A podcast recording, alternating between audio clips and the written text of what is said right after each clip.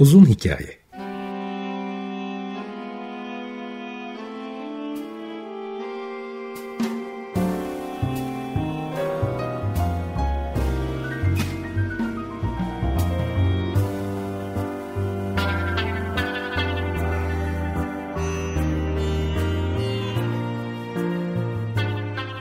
Hazırlayan ve sunan Muzaffer Çorlu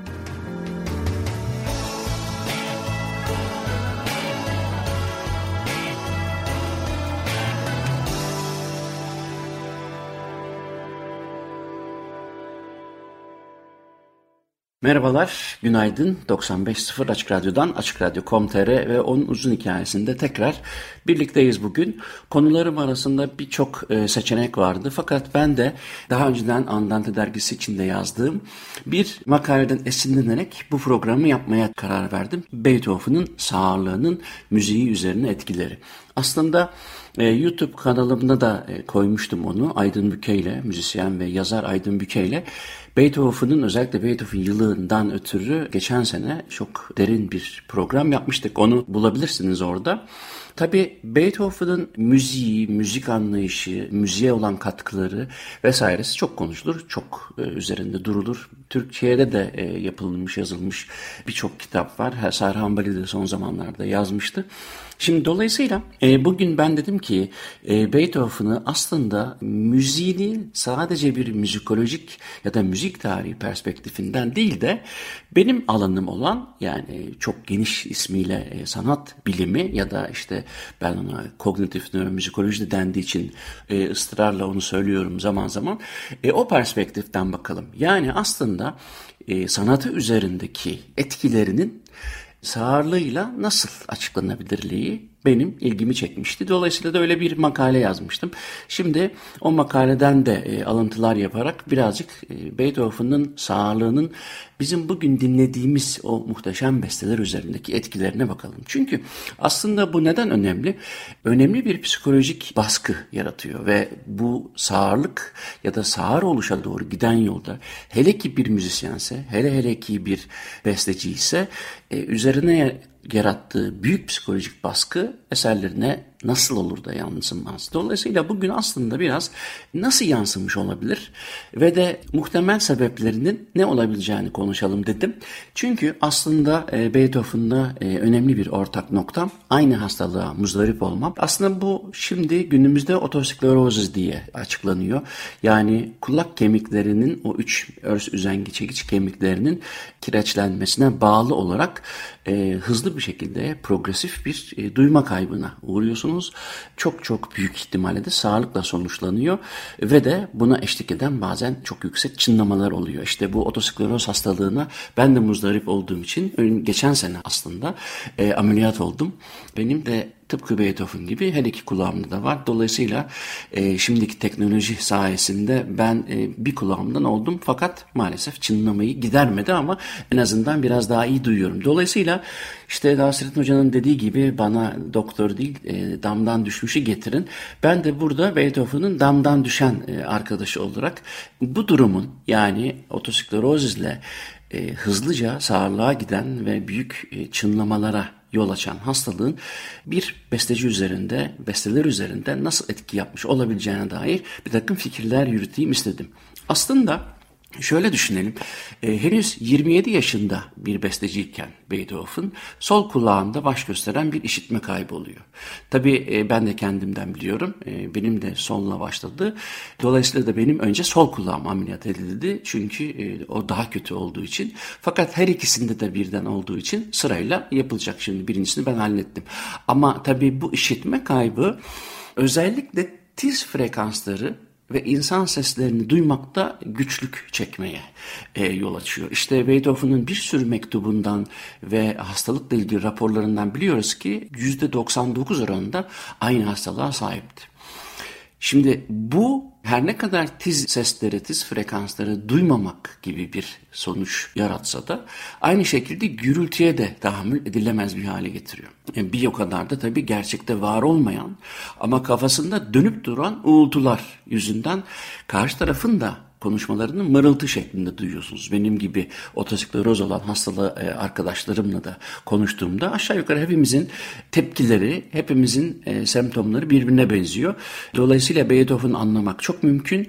Ben de uzunca yıllar sonra fark ettim ki artık insanların gözlerini değil daha çok ağızlarına bakıyorum. Çünkü aslında hem hafif uğultu şeklinde gelen sesleri dudak hareketleriyle birleştirip daha rahat anlamamı sağlıyordu. Beethoven'ın da yine mektuplarda e, biliyoruz ki daha çok dudak okumaya yönelik bir takım refleksleri gelişmiş. Kendi ifadesi şöyle. Herkesten çok onda kusursuz olması gereken bir duyudan yoksun. Kendisine böyle diyor. Yani herkesten daha çok kulaklarına ihtiyacı olduğunu e, düşünerek ondan yoksun olmasına isyan ediyor Beethoven. E, çok az müzisyende olan bu derin ve üstün işitme kaybı bir anda yani 27-28 yaşında başlıyor ve de aslında buna eşlik eden çok kötü bir çınlama, tinnitus dediğimiz kulak çınlamaları buna eşlik ediyor. Bu tinnitus deyip geçmeyin kulak çınlamasından ötürü benim bile bildiğim bu sebeple intihar etmiş insanlar var ki ben de mesela şimdi bu programı yaparken sol kulağımda e, tiz bir ses, sağ kulağımda da pes bir ses olmak üzere çift bir tinnitus duyuyorum.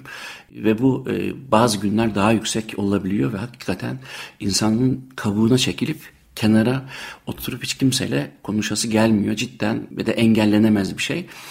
Bu e, hem o üç tane küçük kemiğin kireçlenmesinden kaynaklandığı gibi daha salyangozda da yani kokleada da olabiliyor. Dolayısıyla da tedavisi yok. O yüzden de insanı hakikaten e, gün boyunca çok depresif bir hale itebiliyor. Ve Beethoven da bundan e, inanılmaz derecede şikayet ettiğini birçok arkadaşına söylemiş. Hatta bu yüzden aslında çok sevdiği eğlence mekanlarından, ortamlarından elini eteğini çekmek zorunda kalmış Beethoven. Bu da onun iyicene yalnızlaşmasına, isyankar ve agresif bir ruh haline e, bürünmesine yol açmış. Şimdi tabii yıllar süren bir sürü nafile tedavi girişimleri var. Bunların hiçbirisi e, işe yaramadığı gibi artık o 27 yaşından sonra 28-30'a doğru e, çift taraflı olarak bir e, sağlığa doğru gitmiş ve artık hani belki de biliyorsunuzdur, görmüşsünüzdür e, piyanoyu ısırarak çalması ya da çenesini dayanması, titreşimden medet umması da söz konusu. Ben de zaman zaman hakikaten gitarı çalarken gövde kısmına çenemi çok sıkı şekilde bastırıyorum. E, ameliyattan önce daha çok yapıyordum bunu. Böylece e, çene kemiklerim vasıtasıyla vibrasyonla duyduğum da oluyordu. Dolayısıyla bu dışarıdan bakıldığında bir delilik havası. Çünkü piyanoyu ısırmak ya da işte e, sürekli kafasını dayaması e, dışarıdan bakıldığında pek de hani normalize edecek bir durum olmadığı için onun da inzivaya çekilmiş olan hayatının e, depresyonu kaçınılmazdı diyebiliriz. Aslında günümüzde e, Heiligenstadtler vasiyetnamesi olarak bilinen ve kardeşlerine hitaben yazdığı mektupta yaşadığı çaresizliği şu cümlelerle anlatıyor Beethoven. Bir ihtiyacın baskısı olmadıkça çekildiğim kuytu köşeden dışarı çıkmıyorum. Hayatımı bir mahkum gibi yalnızlık içinde geçiriyorum. Tesadüfen kalabalık arasına düşecek olursam sağırlığımın sırlarını açığa vuracağım korkusuyla ölüm terleri döküyorum. E bu mektupta da zaten son derece açık insanları tam duyamadığı için kenara çekilme isteği. O hakikaten dedim ya programın başında e, damdan düşmüş birisi olarak aynen katılıyorum. Neyse ki gene hani işitme cihazlarım olduğu için e, biraz rahatlamıştım ama insanlardan kaçma e, tepkisi özellikle az duyan insanlarda çok sık rastlanan bir istatistik. Dolayısıyla Beethoven'ın bu Heiligenstadtlar vasiyetnamesi olarak bilinen yazıtta e, bu söylediklerini kelimenin tam anlamıyla empatiyle algılıyorum. Şimdi bu büyük ustanın besteciliğinden ya da eserlerinden bahsetmek değil bugünün konusu. Dolayısıyla daha çok ben Beethoven'ı kendi yaşadıklarımla birebir örtüştüğü için ve de müzisyen olmam nedeniyle e, ele alıyorum bugün. Dolayısıyla tekrar söylemiş olayım eserlerinin analizini çok azıcık e, bu bağlamda yapacağım. Ama dediğim gibi Aydın Büke'yle benim kanalımda zaten Açık Radyo'da yaptığımız programın kaydı var. E, oradan Beethoven'ın daha müzikolojik perspektifini e, dinlemeniz mümkün. Yani hastalığına ilişkin detaylara değinmeden bu işitme kaybının nasıl bir ruh haline neden olduğunu Beethoven'ın mektuplarından ve artık sadece yazarak iletişim kurmasından biliyoruz. Ki e, 1801 yılında 29 Haziran 1801'de doktor arkadaşı Franz Gerhard e, Wegeler'e durumundan ilk kez bahsettiği satırlar aslında onun için büyük bir itiraf niteliğinde otosklerozis teşhisi konulabilecek düzeydeki detaylı anlatımından e, bu sıkıntıların 3 yıldır sürdüğünü, tablonun giderek kötüleştiğini ve bu durumun en yakınlarından bile gizlemek isteğini e, ve bunun için de büyük çaba sarf ettiğini görüyoruz ve öğreniyoruz bu mektuplardan. İşte gürültülü ortamlardan uzak kalmak için e, kırsala yerleşmesi, şifaya niyetine Tuna Nehri'nde yıkanması, bitkisel karışımlar e, içmesi, kulak içine badem yağı damlatılması, çınlamayı durdurmak için kulak kanallarına pamuklarla tıkaması vesaire gibi deneniyor ve hiçbir şekilde bir sonuç elde edilemiyor tabii. Ve aslında fena olmayacak da bir para e, harcamış o dönem için. 1813 e, itibariyle kendisi için özel ürettirdiği ve hala hazırda e, Bonn'daki Beethoven Müzesi'nde sergilenen o meşhur işitme trompetlerini kullanmaya başlıyor. Aslında bu hastalıkta kulakları arkadan tutup öne doğru eğdiğinizde e, ve avucunuzun içini de sanki kulağın bir e, mahzeni gibi yaptığınızda biraz duyma yükseliyor tabii.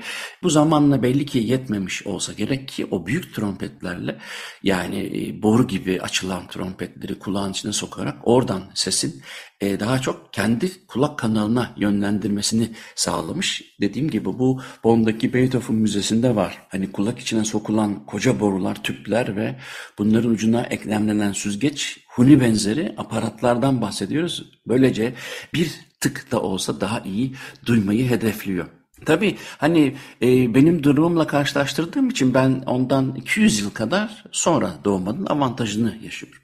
Çünkü e, benim şimdi kullanmadığım e, ameliyattan sonra ihtiyacım yok şimdi ama kulak içinde görünmez kulak cihazları vardı. Kulağınızın ölçüsü alınıyor işte küçücük mercimek kadar neredeyse bir cihazla bir amplifikasyon söz konusu oluyor ve dolayısıyla aslında görünmeyen bir hoparlörle e, etraftaki ses büyütülerek kulağınızın içine gönderiyor sesleri ve daha iyi duyuyorsunuz ki bununla ilgili çalışmalar devam ediyor hakikaten de daha başarılı. Fakat tabii 200 yıl öncesinde böyle küçük amficikler yoktu maalesef. Dolayısıyla bu, bu tür bir e, aparattan yoksunlardı.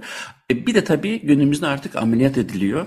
E, o üç kulak kemikçikleri diyelim kesilip yerine işte o staptektomi denen e, bir operasyonla bir protez yerleştiriliyor ve e, işitmeniz artıyor. Şanslıysanız tinnitus yani kulak çınlaması da kayboluyor. Bende kaybolmadı ama en azından duymam e, arttı. Fakat duyma artmasıyla beraber yıllarca çok az duyduğunuz veya da duymadığınız frekansları duymak insanı şaşırtıyor ve insanları anlama oranınız yükseliyor.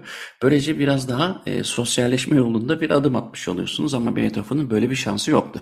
Fakat bu durumu Beethoven'ın onda nasıl bir takım süreçlerden geçerek bestecilik tekniklerinde farklılıklara yol açtığını ben e, burada bu programda anlatmak istiyorum ama önce benim yine bu haftalarda özellikle canlı konser kayıtlarını veriyorum. Bugün Beethoven dinleyelim. Karina Kanellakis orkestra şefi.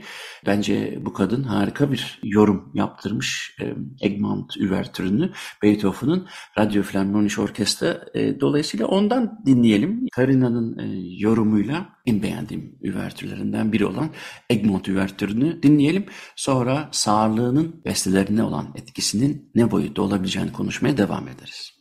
Ludwig van Beethoven'ın Egmont Üvertürünü Şef Karina Kanellakis'ten dinledik Radyo Filarmonik Orkestra'dan.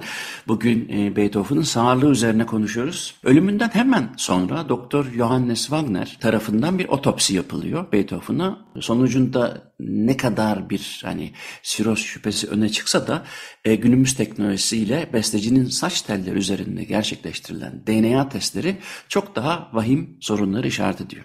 Şimdi hazır konusu açılmışken bahsetmeden geçmeyeyim. Yalnızca bu saç tellerine adanmış bir yayın var.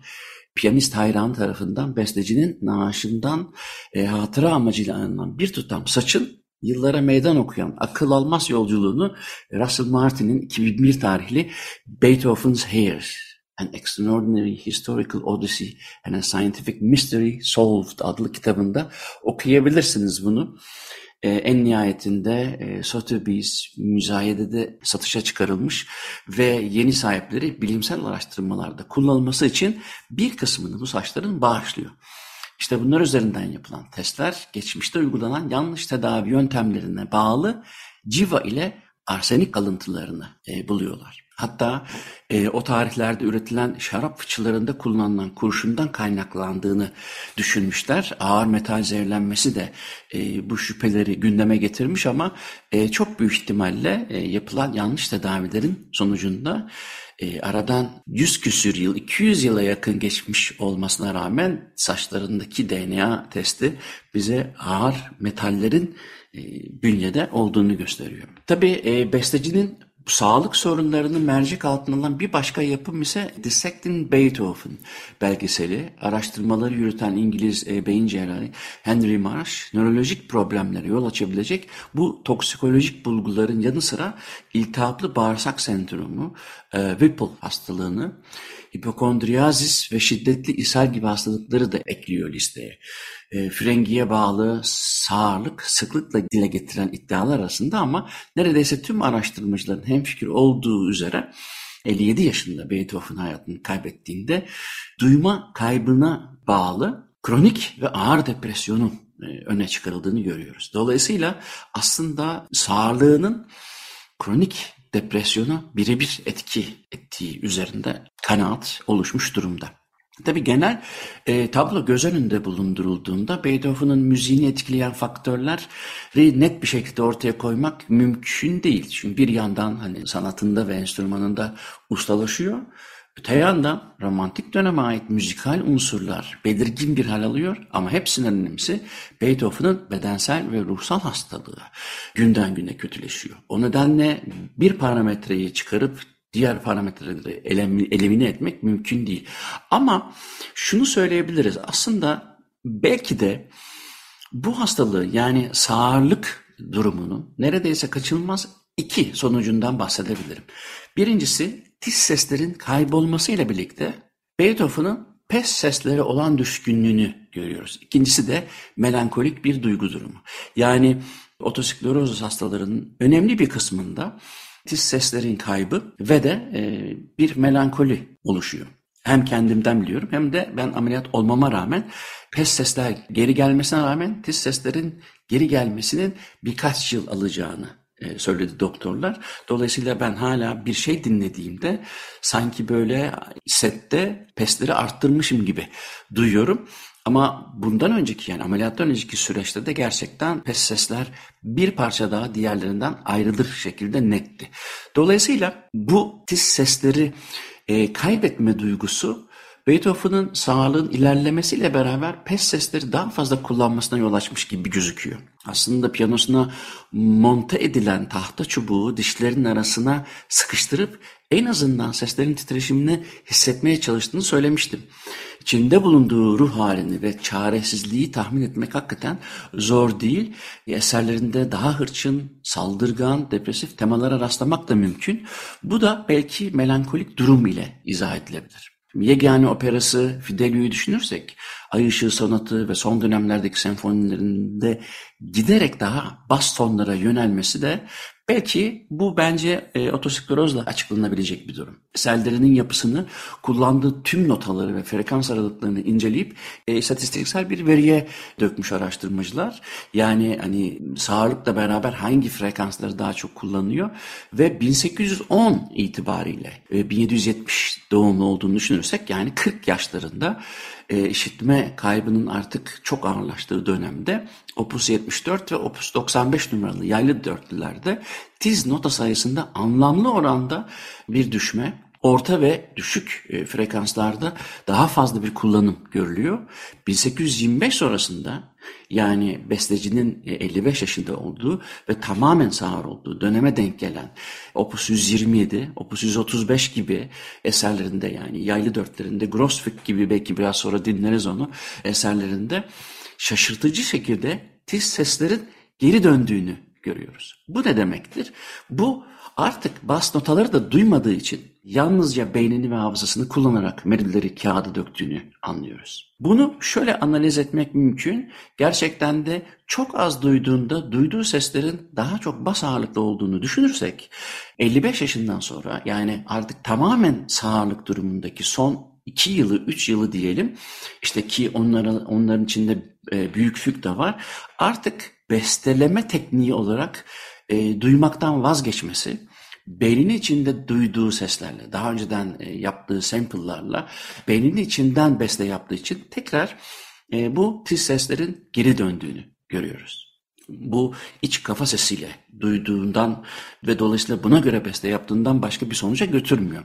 Çoğu kişi tabii duymamasına rağmen nasıl beste yapabildiğini merak eder ama unutmayalım ki Beethoven 30'lu yaşlarına kadar gayet net duydu. Seslerin tınılarını, enstrümanların rejistler ve renk farklılıklarını birlikte tınladıklarında nasıl bir ses ortaya çıkacağını, nasıl bir armoni ortaya çıkacağını ezbere bildiğini biliyoruz ki zaten bir dahi müzisyenden bahsediyoruz ama dahi olunmasına gerek yok. Müzik eğitimi almış ya da iyi kulaklı olan insanlar da bunu uzun yıllar yaptığında o seslerin sample'ını yani örneğini e, hafızasına kaydeder. Dolayısıyla da içinizden şarkı söylediğinizi düşünün. Onun için tekrar bir diapozon ya da piyanodan referans almanıza gerek yoktur. Beethoven'ın da böyle düşündüğünü biliyoruz. Şimdi hep besteciliği konuşuluyor ama tabii büyük bir piyanistten ve orkestra şefi Beethoven'dan da bahsetmeliyiz. Mesela premierini Nisan 1814'te yaptığı Arşidük Üçlüsü piyanist olarak seslendirdiği son eser. Bu performansı içi parçalanarak izlediğini anlatan e, besteci Louis Spohr, Beethoven'ın virtüözlüğünde de ciddi kayıplar yaşandığını aktarıyor. Forte pasajlarda piyanoyu kıracak kadar yüklenmesi, piyano çalınması gereken yerlerde ise artık duyulmayacak kadar düşük hatta notaları atlayarak çalması diğer müzisyenlerin de fark ettiği. Dolayısıyla da üçlüde diğer müzisyenlerin senkronu tamamen kaybetmesine yol açıyor. Hal böyle olunca da eserin ikinci temsilinin ardından bir daha asla kalabalık önünde piyano çalmamaya karar veriyor Beethoven. Aslında Immortal Beloved, Ölümsüz Sevgi filminde ünlü besteciyi canlandıran Gary Oldman'ın müthiş oyunculuğuyla belki hafızalara kazındığını düşündüğüm, hele izlemediyseniz izleyebilirsiniz meşhur sahne 1824'te ee, yaşanıyor. Yani 9. senfoninin premierinde orkestrayı şef e, Michael Umlauf yönetirken kendisini tutamayıp sahneye çıkan Beethoven'ın duyma yetisini tamamen kaybettiğini tüm salon görüyor. Abartılı jestlerle kendi tahayyülündeki orkestrayı yöneten büyük usta eserin bittiğini ve sesin kesildiğini dahi fark etmiyor. Arkası dönük olduğu için de coşkuyla ayağa fırlamış seyircilerin ıslıkların eşlik ettiği büyük alkışları duymadığı için kontraltı Karolin Ünger'in besteciyi tutup seyirciye doğru çevirdiği rivayet edilir. Çok azın tabii bir sahne. Ee, insanın tüyleri diken diken oluyor gerçekten. İsterseniz şu tam sağlık döneminde beslediği kafa içi sesleriyle artık e, yönlendirdiği Grossfüge bakalım. Dediğim gibi ben gene e, canlı kayıttan seçtim. Hala e, beğendiğim bir kayıt. Yeni kayıtları da dinliyorum ama ben size ilk göz ağrımdan Albenberg kuartetten dinleteyim. Opus 133 sonra toparlarız. Beethoven'ın Grossfüg si bemol majör opus 133 Alban Berg kuartetten geldi. Şimdi son olarak bu 2011'de yayınlanan Joseph Strauss imzalı Extraordinary Measures Disability in Music adlı kitaba da değinmek istiyorum. Nörolojik ve psikolojik hastalıkların doğuştan veya sonradan vuku bulan bedensel engellerin müziğe yansımalarını inceliyor. Oldukça dikkat çekici bir çalışma. Beethoven, Delius ve Schumann gibi bestecilerin, Isaac Perlman, Evelyn Glennie gibi fiziksel engelli müzisyenlerin ve yine engelli dinleyicilerin müzikle ilişkisini irdeliyor burada yazar Strauss. Beethoven'ın sağlık öncesi ve sonrası eserlerini inceleyen eleştirmenlerin ise iki kutba ayrıldığını belirliyor. Kimileri yetenek kaybının hissedildiğini ve eserlerin kalitesinin değiştiğini söylerken kimileri ise bestecinin e, son dönem eserlerini yaratıcılıkta zirve olarak nitelendiriyor. Şimdi tabii onun duyma becerisinin kademeli olarak yitirişi ve bunun yarattığı ruh hali müziğindeki belirgin değişiklikleri açıklıyor. Evet ama bir de Wagner başta olmak üzere sağlığı sayesinde böyle eserler verebildiğini de savunanlar var. Çünkü doktor tavsiyesiyle Viyana kırsalına yerleşmesinden inzivaya çekilip duyamadığı için de muhtemelen onu etkileyebilecek tüm dış uyaranlara kapalı hale gelip kendi içine dönmesinden bahsediyor. Wagner sağlık sorunları sebebiyle piyano çalamaz, orkestra yönetemez hale gelen Beethoven'ın belki de tam bu sayede kalıpların dışına çıkıp enstrümanların ve zamanının çok ötesinde eserler yaratmayı başarabildiğini söylüyor. Belki de onu bu hastalık ölümsüz kıldı diyebilecek bir noktaya getiriyor bizi. Dolayısıyla 30'lu yaşlardan sonra kademeli olarak artan, 40'lı yaşlardan sonra artık neredeyse imkansız, 50'li yaşlardan sonra tamamen sağır olan Beethoven'ın eserlerindeki kalitenin büyük kırılmalar yaşadığı bence tamamen tesadüfle açıklanamaz. İsterseniz bugün burada bırakalım. Beethoven'ın e, sağırlığının özellikle önce tiz sesleri kullanmamasına, sonra e, daha melankolik ve hırçın olmasına bunu eserlerinde fark ettiğimizi konuşmuştuk. E, bu iki sebep önemli. Bir o kadar da çalamıyor oluşundan ötürü de artık kalıpları kırdığından bahsetmiştik. Belki bu programın ana teması olarak sona eklenebilir. Böylece de bitirelim. Önümüzdeki haftalarda konuklu programlara döneceğiz.